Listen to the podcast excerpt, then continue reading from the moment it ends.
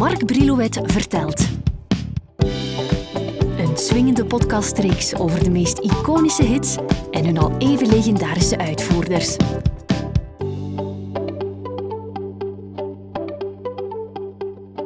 Ik val maar meteen met de deur in huis met de vraag of jij vaak naar de bioscoop gaat. Ik beken eerlijk dat de laatste film die ik gezien heb was de première van Marina in 2013 in het gezelschap van regisseur Stijn Konings en Matteo Simoni. Wat niet letterlijk niet van film hou, maar ik denk vaak je kan thuis in je luie zetel net zo goed van films genieten als in de bioscoop. Al staat ja, dat voor menige cinefiel gelijk aan een soort doodzonde. Maar goed. In de lente van 1996 ging de film Up Close and Personal van regisseur John Avid in première, met in de hoofdrollen Michelle Pfeiffer en Robert Redford. En daar wil ik het even met jou over hebben. Up Close and Personal is gebaseerd op het boek Golden Girl, The Story of Jessica Savage van Elena Nash. Het is het waargebeurde verhaal van nieuwsanker Jessica Savage, een populaire journaliste bij NBC. Ze speelde een pioniersrol als een van de eerste vrouwelijke ankers. Ze was graag gezien tot aan haar plotse dood in 1983, toen ze omkwam bij een auto-ongeval.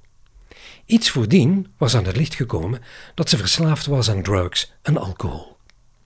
Critici vonden achteraf wel dat de film een flauw afkooksel was van het echte leven van Jessica en dat er nogal wat met ja, losse flodders werd geschoten. De film is vooral blijven hangen door een bekende song die tijdens de Oscar-uitreiking werd genomineerd, maar uiteindelijk niet bekroond. Because You Loved Me, geschreven door Diana Warren en gezongen door Céline Dion. Céline had met haar geliefde en haar manager, René Angelil, twee jaar lang gesleuteld aan haar doorbraak in Amerika. Ze had gewerkt aan haar uitspraak, haar houding op het podium, haar zangstijl kortom, ze was compleet gerestyled, alvorens in het voorjaar van 1990 iedereen met verstomming te slaan met haar album Unison in een productie van David Foster. Er was duidelijk gekozen voor de mix van soft rock en ballads. En ze sloeg de bal niet mis, want in de States werd het album met platina bekroond. In haar thuisland Canada zelfs met zeven keer platina. In het totaal goed voor 3 miljoen exemplaren.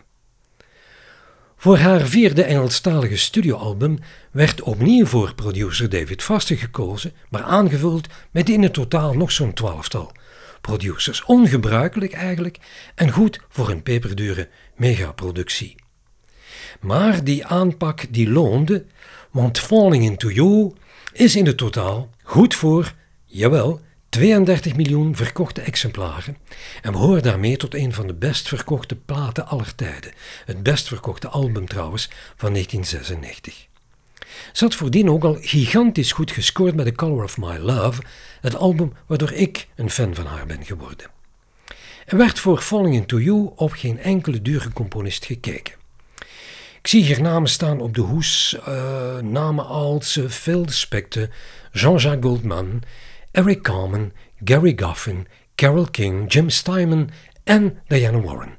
En die mevrouw brengt me bij onze invalshoek. Mag ik haar even aan je voorstellen?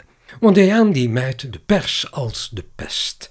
Ze leeft heel teruggetrokken op haar kantoor. Dat kantoor ziet er niet uit. Ze kuist daar nooit, alles ligt er overhoop, zwaar onder het stof bedolven. Stof dat daar zo'n twintigtal jaartjes al ligt en ze wil dat ook zo houden, want ze is erg bijgelovig.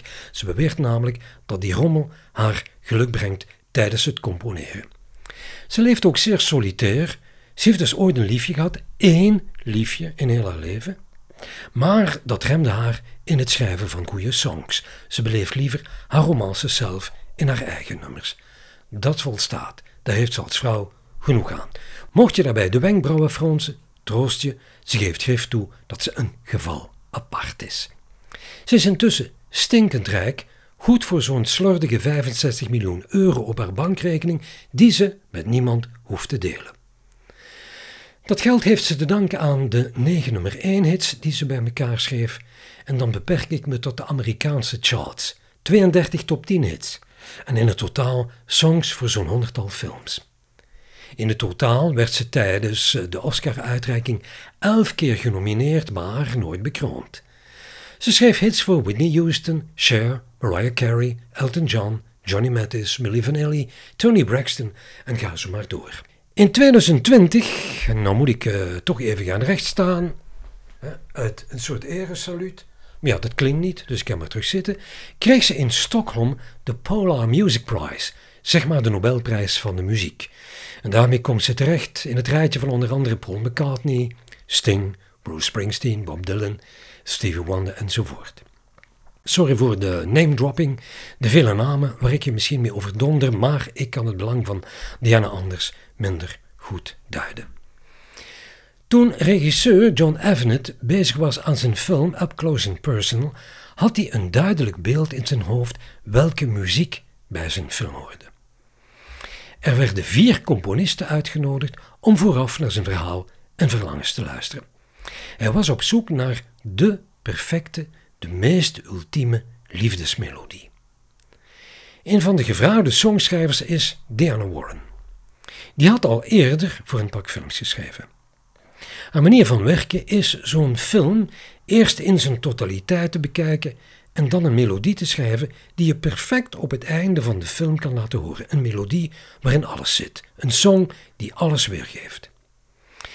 Diane die stond er dan ook op die film samen met de regisseur te bekijken en naar zijn wensen en mening te luisteren.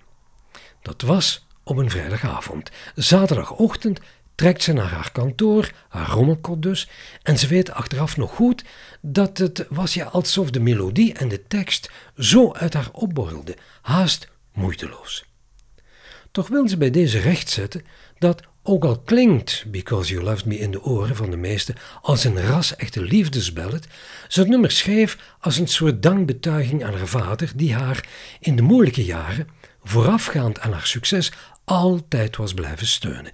Iedere keer wanneer ze ontmoedigd terugkwam van een bezoek aan de zoveelste muziekuitgever om daar haar songs te slijten, was hij het die haar bleef aansporen en aanmoedigen om, ondanks de zoveelste afwijzing, toch maar te blijven doorgaan.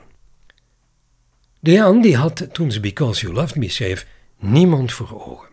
Walt Disney Motion Picture Group, die instond voor de productie van de film, stond er dan ook op dat Tony Braxton de song zou inzingen.